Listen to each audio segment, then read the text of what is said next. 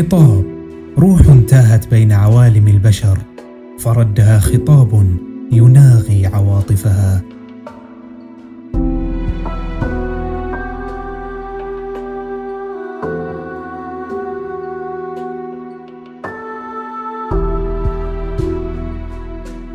أهلا بكم في بودكاست خطاب حيث نخاطب ذواتنا لنلهمها روح الوعي والفكر.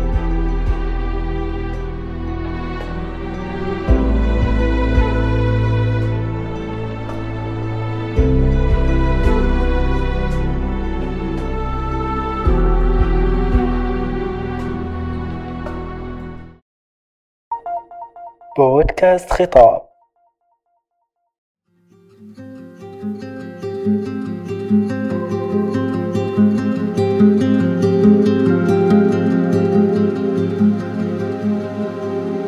نصوص ومقالات خطابية.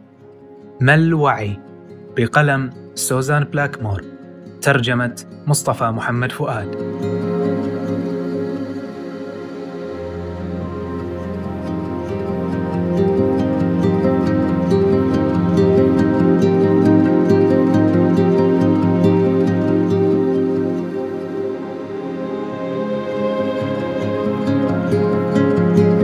كيف يكون الحال لو كنت خفاشا؟ احتل ذلك السؤال الغريب أهمية في تاريخ دراسات الوعي وقد طرح لأول مرة في خمسينيات القرن العشرين. ثم نال الشهرة على يد الفيلسوف الأمريكي توماس نيجل عام 1974 استخدم نيجل هذا السؤال لتحدي مذهب المادية ولاكتشاف ما نعنيه بكلمة الوعي. وليرى لماذا يجعل الوعي مشكلة العقل والجسد معقدة إلى هذا الحد؟ ما نعنيه هنا هو الذاتية على حد قول نيكل إذا كان هناك حال معين يكون عليه الكائن إذا أصبح خفاشا حال يشعر به الخفاش نفسه. اذا فالخفاش كائن واع. وإذا لم يكن هناك حال معين عندما يكون الكائن خفاشا اذا فالخفاش غير واع. فكر على سبيل المثال في كوب أو إناء أو قطعة بلاستيكية على مكتبك. اسأل نفسك الآن: كيف يكون الحال لو كنت كوبا؟ من المرجح أنك ستجيب بأنه لا يوجد أي حال على الإطلاق. لأن الأكواب لا تشعر، ولأن الخزف جماد، وهكذا. على الأرجح لن تواجه مشكلة في القول إن الأكواب والأواني ليست واعية. لكن انتقل إلى الديدان أو الذباب أو البكتيريا أو الخفافيش. وسوف تجد المشكلة. فأنت لا تعرف أو بالأحرى لا يمكنك أن تعرف كيف يكون الحال لو كنت دودة أرض. مع ذلك فإنك مثل ما يقول نيجل إذا فكرت أن هناك حالا معينا تكون عليه لو كنت دودة فأنت تعتقد أن الدودة كائن واع. تعريف الوعي. ليس هناك تعريف متفق عليه للوعي بشكل عام لكن التعريفات التالية تعطينا فكرة عما تعنيه الكلمة. اولا كيف يكون الحال لو كنت؟ إذا كان هناك حال معين تكون عليه لو أنك حيوان أو جهاز كمبيوتر أو طفل رضيع. فذلك الشيء كائن واع وإلا فهو ليس كذلك. ثانيا الذاتية أو الظاهراتية. الوعي يعني تجربة ذاتية أو تجربة ظاهراتية، والمقصود كيف تبدو الأشياء لي في مقابل ما تبدو عليه على نحو موضوعي. وثالثاً، التجارب الواعية الذاتية، وهي السمات الذاتية التي يتعذر وصفها للتجربة، مثل حمرة اللون الأحمر أو الرائحة التي لا يمكن وصفها لزيت التربنتين. يزعم بعض الفلاسفة أن تلك التجارب لا وجود لها. وأخيرا المشكلة الصعبة كيف تنشأ تجارب ذاتية من دماغ مادي موضوعي؟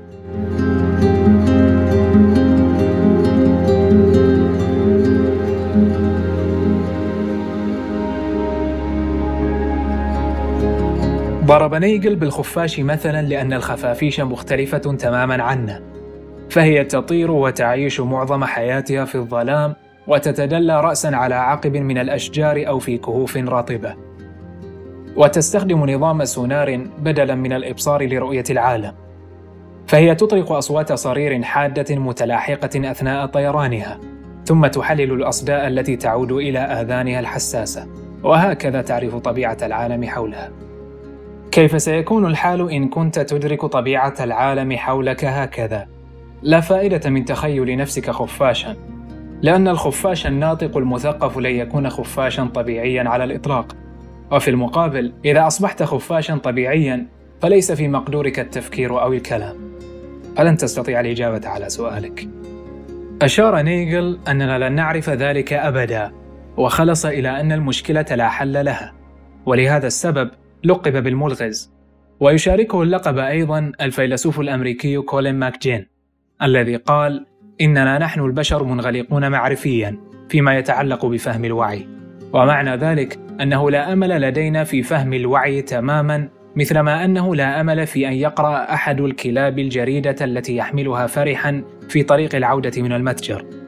ويتفق معه في ذلك عالم النفس ستيفن بنكر قائلا إننا قد نكون قادرين على فهم معظم التفاصيل الخاصة بكيفية عمل العقل. لكن الوعي نفسه قد يظل بعيدا عن فهمنا إلى الأبد.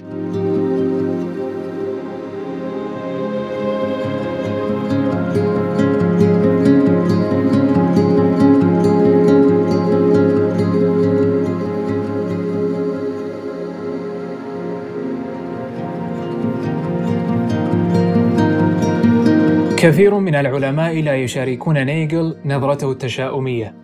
لكن سؤاله أفاد في تذكيرنا بنقطة بالغة الخطورة عند الحديث عن الوعي. فلا جدوى من الحديث عن الإدراك الحسي أو الذاكرة أو الذكاء أو القدرة على حل المشكلات باعتبارها عمليات فيزيائية بحتة. ثم نزعم أننا قد فسرنا الوعي. إذا كنت تتحدث عن الوعي حقا فعليك أن تتعامل بطريقة أو بأخرى مع الذاتية فيتعين عليك أن تحل المشكلة الصعبة. وتفسر كيف تنبع الذاتية من العالم المادي. أو يتعين عليك إذا كنت تزعم أن الوعي مطابق لتلك العمليات الفيزيائية أو أنه وهم أو حتى غير موجود على الإطلاق أن تفسر لماذا يبدو حاضرا بقوة هكذا. وفي كلتا الحالتين لن تستطيع القول بأنك تتعامل مع الوعي إلا إذا كنت تطرح السؤال كيف يكون الحال لو كنت؟ يطلق على ذلك المعنى الأساسي للوعي أيضا اسم الظاهراتية أو الوعي الظاهراتي. وهما مصطلحان صاغهما الفيلسوف الأمريكي نيد بلوك. يقارن بلوك بين الوعي الظاهراتي التلقائي الذي يتعلق بالكيفية التي تكون عليها عندما تكون في حال معينة ووعي الإتاحة أو الوعي التأملي الذي يشير إلى إتاحة المعلومات الموجودة في عقلنا للتفكير أو توجيه الأفعال والكلام. الوعي الظاهراتي أو الظاهراتية أو الذاتية هو الذي تحدث عنه نيجل وهو جوهر مشكلة الوعي. بعد أن أشرنا إلى ذلك، نكون على استعداد لتناول واحدة من أهم النقاط الخلافية في الدراسات الخاصة بالوعي، وهذه النقطة تتعلق بالسؤال التالي: هل الوعي عنصر خارجي نمتلكه نحن البشر إضافة إلى قدراتنا الخاصة بالإدراك الحسي والتفكير والشعور، أم أنه جزء جوهري لا يتجزأ في أي كائن لديه قدرات الإدراك الحسي والتفكير والشعور؟ هذا هو السؤال الأهم الذي يعتمد عليه كل شيء آخر، وربما عليك أن تقرر الآن أي اختيار ستفكر فيه، لأن تبعات كلا الاختيارين مثيرة للدهشة تماماً. من ناحية إن كان الوعي عنصرا خارجيا إضافيا فسنود بطبيعة الحال أن نسأل عن سبب امتلاكنا إياه وأن نسأل عن أهميته والوظيفة التي يؤديها وكيف نمتلكه. ووفقا لهذا الرأي من السهل أن نتخيل أننا ربما قد تطورنا من دونه. وهكذا سنود أن نعرف السبب الذي أدى إلى تطور الوعي. والمزايا التي حبانا بها وإن كان قد تطور في كائنات أخرى أيضا أم لا. ووفقا لهذا الرأي تكون المشكلة الصعبة عسيرة حقا وتكون المهمة التي نحن بصددها هي الإجابة عن تلك الأسئلة الصعبة. من الناحية الأخرى، إن كان الوعي جزءا لا يتجزأ من العمليات الدماغية المعقدة، فمن العبث أن نسأل معظم تلك الأسئلة. ووفقا لهذا الرأي الذي يسمى في بعض الأحيان الوظيفية، فلا جدوى من السؤال عن سبب تطور الوعي لأن أي كائن تطور بحيث أصبح لديه ذكاء وإدراك حسي وذاكرة ومشاعر. يكون واعيا أيضا بالضرورة. أيضا لا جدوى من الحديث عن الوعي نفسه أو التجارب الذاتية التي يتعذر وصفها لأنه ما من شيء خارجي يوجد بمعزل عن العمليات والقدرات. فيما يتعلق بهذا الرأي لا يوجد لغز مستعص على الحل ولا مشكلة صعبة. لذا تكون المهمة التي نحن بصددها مختلفة تماما. ألا وهي تفسير لماذا يبدو لنا أن هناك مشكلة؟ ولماذا يبدو لنا أن لدينا تجارب واعية غير مادية يتعذر وصفها؟ هنا تبدو فكرة الوعي وهما لأنه لا الوعي ولا المشكلة الصعبه يكونان كما يبدوان ولذا يتعين علينا تفسير كيفية ظهور الوهم. إذا كانت التبعات المترتبة على هذين الرأيين صعبة الفهم فربما نكون بحاجة إلى إحدى التجارب الفكرية. الزومبي.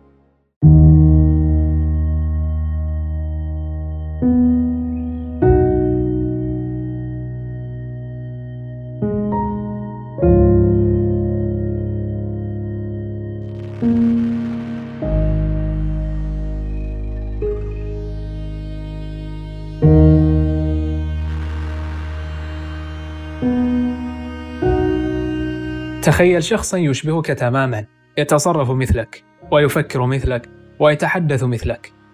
لكنه غير واع على الإطلاق.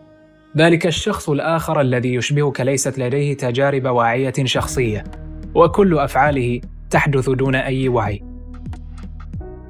ذلك الكائن اللاواعي وليس الجثة نصف الميتة المتداولة في الفولكلور الهايتي. هو ما يطلق عليه الفلاسفة اسم زومبي. من المؤكد أنه من السهل تخيل الزومبي. لكن هل هم موجودون حقا؟ ذلك السؤال الذي يبدو بسيطا يقودنا إلى عالم كامل من التعقيدات الفلسفية. من يجيبون على السؤال بنعم هم من يؤمنون بإمكانية وجود نظامين متكافئين وظيفيا. أحدهما واع والآخر غير واع.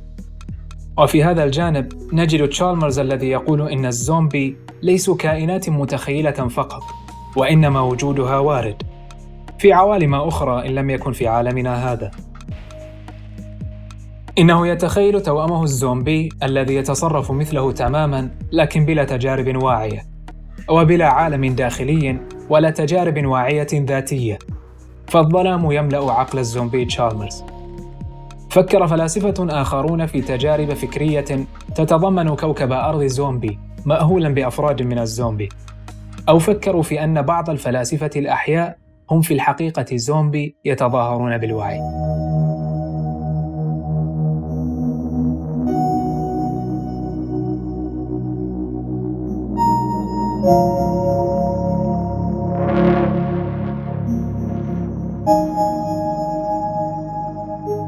أما من يجيبون على السؤال بلا فهم الذين يرون فكرة الزومبي برمتها مستحيلة ومنهم تشيرشلاند والفيلسوف الأمريكي دانيال دينيت. إنهم يرون الفكرة عبثية لأن أي نظام يمشي ويتكلم ويفكر ويلعب ويختار ما يرتديه ويستمتع بعشاء طيب ويفعل كافة الأشياء الأخرى التي نفعلها يتعين بالضرورة أن يكون واعيا. المشكلة على حد قولهم أن الناس عندما يتخيلون وجود الزومبي فإنهم يتحايلون ولا يأخذون تعريف الزومبي بما يكفي من الجد. إن كنت لا تريد التحايل، تذكر أنه لا مفر من تعذر التمييز خارجيا بين الزومبي وبين شخص طبيعي، ومعنى ذلك أنه لا جدوى من سؤال الزومبي عن تجاربه أو اختبار فلسفته، إذ لا بد أنه يتصرف مثل ما يفعل الشخص الواعي تماما. يقول منتقدو هذه الفكرة إنك إذا كنت تريد اتباع القواعد حقا فستختفي الفكرة وسط ما يحيط بها من عبثية. من المفترض الآن أن يكون مفهوما أن الزومبية مجرد وسيلة واضحة للتفكير في السؤال الأساسي: هل الوعي سمة خارجية خاصة حالفنا الحظ نحن البشر بامتلاكها؟ أم أنه شيء يأتي بالضرورة مع كل المهارات الأخرى مثل الإدراك الحسي والتفكير والشعور؟ إذا كنت تعتقد أنه سمة خارجية فربما تصدق أننا تطورنا جميعا إلى كائنات زومبي لا أفراد واعين. بل ربما تصدق أن جارك قد يكون واحدا من الزومبي. لكن إذا كنت تعتقد أنه مهارة أساسية لا تنفصل عن المهارات البشرية الأخرى إذا فلن يكون من المعقول وجود الزومبي وتصبح الفكرة برمتها عبثية. أظن أن الفكرة برمتها عبثية. وعلى الرغم من ذلك فإنها تظل جذابة إلى حد بعيد لأنه من السهل للغاية تخيل الزومبي. لكن مدى سهولة تخيل شيء ما لا يقودنا بالضرورة إلى التأكد من وجوده. لذا دعنا نفكر في جانب مختلف تماما من المشكلة نفسها وهو إن كان الوعي يفيد في شيء أم لا. عبارة قوة الوعي من العبارات الشائعة في الخطاب المتداول. وتتلخص الفكرة في أن الوعي هو شكل من أشكال القوى التي قد تؤثر تأثيرا مباشرا في العالم. إما بالتأثير في أجسامنا كما يحدث عندما أقرر أنا بوعي أن أحرك ذراعي فيتحرك.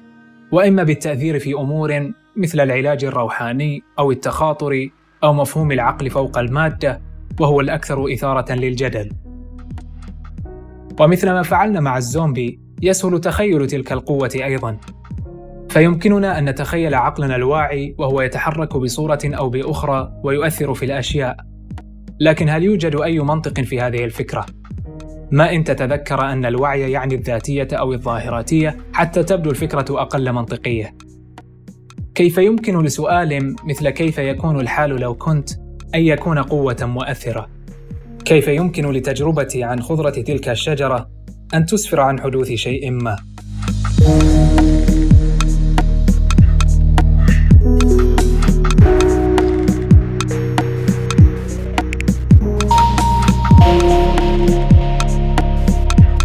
إحدى الوسائل لاكتشاف إن كان الوعي يمكن أن يكون قوة مؤثرة أم لا هي أن نسأل ماذا سيحدث إذا استبعدناه؟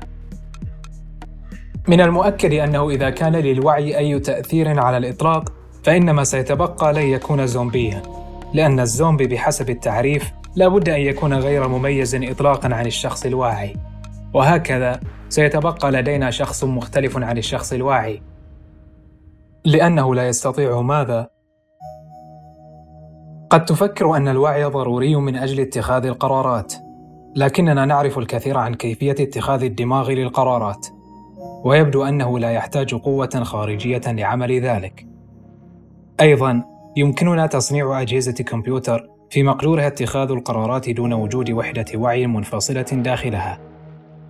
وينطبق الأمر نفسه على البصر والسمع والحركات المسؤولة عن التحكم وغير ذلك من القدرات البشرية الأخرى. ربما تظن أن الوعي مطلوب من أجل التذوق الجمالي والإبداع والوقوع في الحب. فإذا كان الأمر كذلك فعليك أن تثبت أن تلك الأشياء تحدث بفضل الوعي لا بفضل الآليات الداخلية لدماغ بارع. كل ذلك يقودنا إلى الفكرة الخرقاء التي تقول إن الوعي ربما لا يؤدي وظيفة. وهناك أشياء غريبة أخرى تشير إلى النتيجة نفسها.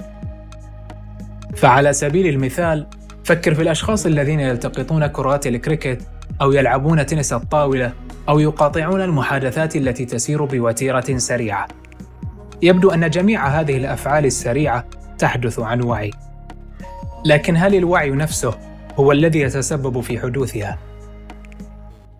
الحقيقة كما سنرى لاحقا أن هذه الأفعال تحدث بسرعة بالغة، وأنها تنظم بفعل أجزاء من الدماغ يبدو أنها غير مرتبطة بالتجربة الواعية. هل يمكن إذن أن يكون الوعي بلا أي تأثير؟ يتجسد أحد أشكال تلك الفكرة في نظرية تسمى الظاهراتية الثانوية، التي تقوم على أن الوعي منتج ثانوي عديم الفائدة أو ظاهرة ثانوية. وهذه فكرة غريبة جدا، تستتبع الاعتراف بأن الوعي موجود بالفعل، لكن ليس له تأثير على أي شيء. وإذا لم يكن للوعي تأثير على الإطلاق، فمن الصعب أن نفهم كيف ينتهي بنا الحال إلى أن نشعر بالقلق حياله فضلا عن الكلام عنه. لكن نظرية الظاهراتية الثانوية ليست الطريقة الوحيدة للقول إن الوعي بلا تأثير. هناك طريقة بديلة، وهي القول إن كل الكائنات التي ترى وتشعر وتفكر وتحب وتقدر المذاق الفاخر للطعام مثلنا لابد أن تعتقد حتما أنها واعية وأن تتخيل أن وجود الزومبي أمر وارد وأن ترى أن الوعي له وظيفة. خلاصة هذه النظرية أننا مخدوعون فنحن نشعر كما لو أن الوعي قوة أو قدرة خارجية لكننا مخطئون. إذا جاز لنا أن نطلق اسما على هذه النظرية فربما يكون الانخداعية.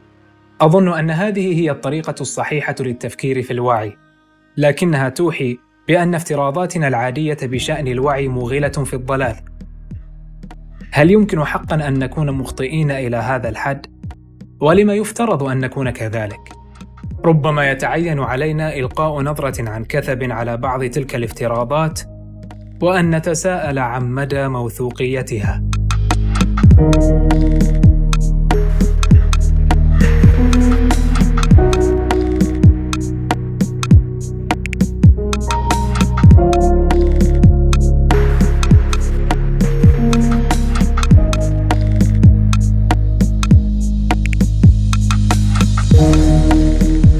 مسرح العقل ربما تكون أبسط الطرق للتفكير في الوعي ما يلي.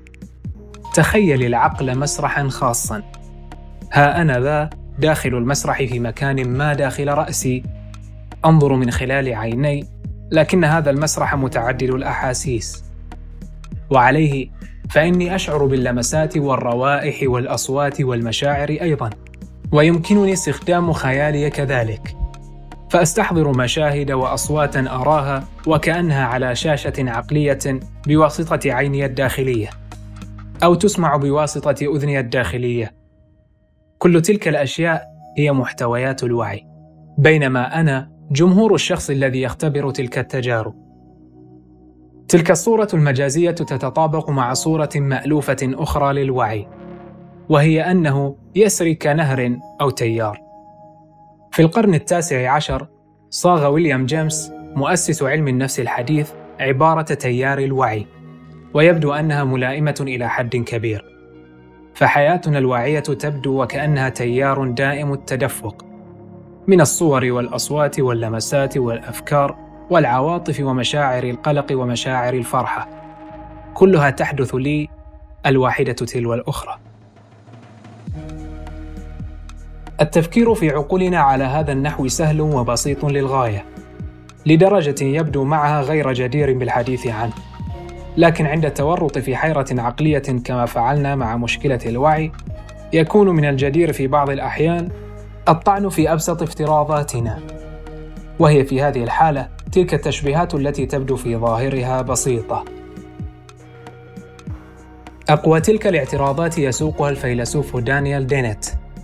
الذي يقول إنه في الوقت الذي يرفض فيه معظم الناس فكرة الثنائية الديكارتية فإنهم لا يزالون يتمسكون ببقايا التفكير الثنائي في صورة ما أسماه المسرح الديكارتي. لا يقتصر الأمر على تشبيه العقل بالمسرح لكن الفكرة أنه في مكان ما داخل العقل أو الدماغ لا بد من وجود مكان وزمان يلتقي عندهما كل شيء ومن ثم يحدث الوعي. أي إن هناك خط نهاية لما يدور داخل العقل من أنشطة، بحيث تصبح الأشياء بعد هذا الخط واعية أو تدخل حيز الوعي، وذلك على نحو غامق.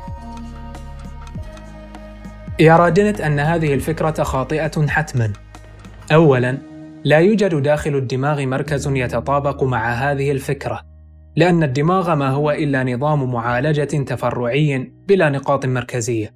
ترد المعلومات إلى الحواس ثم توزع في كل مكان لأغراض مختلفة. ووسط هذا كله لا يوجد مكان مركزي أجلس أنا فيه وأشاهد العرض بينما تمر الأشياء بالوعي. لا يوجد مكان معين عندما تصل إليه الأفكار والمدركات تصبح واعية. لا يوجد مكان واحد تخرج منه قراراتي بدلا من ذلك فإن أجزاء الدماغ المختلفة تؤدي وظائفها ويتواصل بعضها مع بعض متى تطلب الأمر ذلك؟ دون وجود تحكم مركزي في تلك العملية. فما الذي يمكن أن يضارع مسرح الوعي إذن؟ يضيف دينت أنه من غير المجدي أن نتحول من التفكير في المسرح على أنه مكان فعلي إلى التفكير فيه على أنه عملية موزعة أو شبكة عصبية ممتدة. سيظل المبدأ واحدا وهو مبدأ خاطئ. فليس هناك مكان أو عملية أو أي شيء آخر يضارع الجزء الخاص بالوعي من أنشطة الدماغ تاركا كل ما عداه غير واع.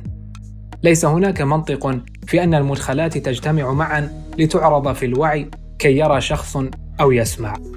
ولا يوجد شخص صغير بالداخل يتصرف وفق ما يراه. فالدماغ ليس منظما بهذه الطريقة ولن يعمل لو كان كذلك. علينا أن نفهم كيف لهذا الشعور أني شخص واع لديه تيار من التجارب أن يحدث داخل دماغ ليس به مسرح داخلي ولا عروض ولا جمهور.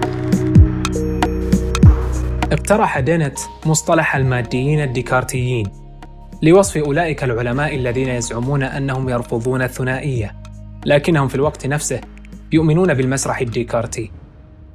لاحظ أن دينيت وليس ديكارت هو من صاغ مصطلحي المسرح الديكارتي والمادية الديكارتية. قلة من العلماء إذا وجدت ينطبق عليهم لقب الماديين الديكارتيين. لكن كما سنرى لاحقا الأغلبية العظمى تؤمن بشيء يشبه تيار الوعي أو تعامل العقل على أنه مسرح داخلي. لا شك أنهم قد يكونون مصيبين. وإذا كانوا كذلك فإن المهمة الملقاة على عاتق علم الوعي هي توضيح ما الذي يضارع المسرح المجازي في الدماغ وكيف يعمل. لكنني أظن أنهم مخطئون. وربما تساعدنا الاستفاضة في توضيح كيفية عمل الدماغ في فهم السبب.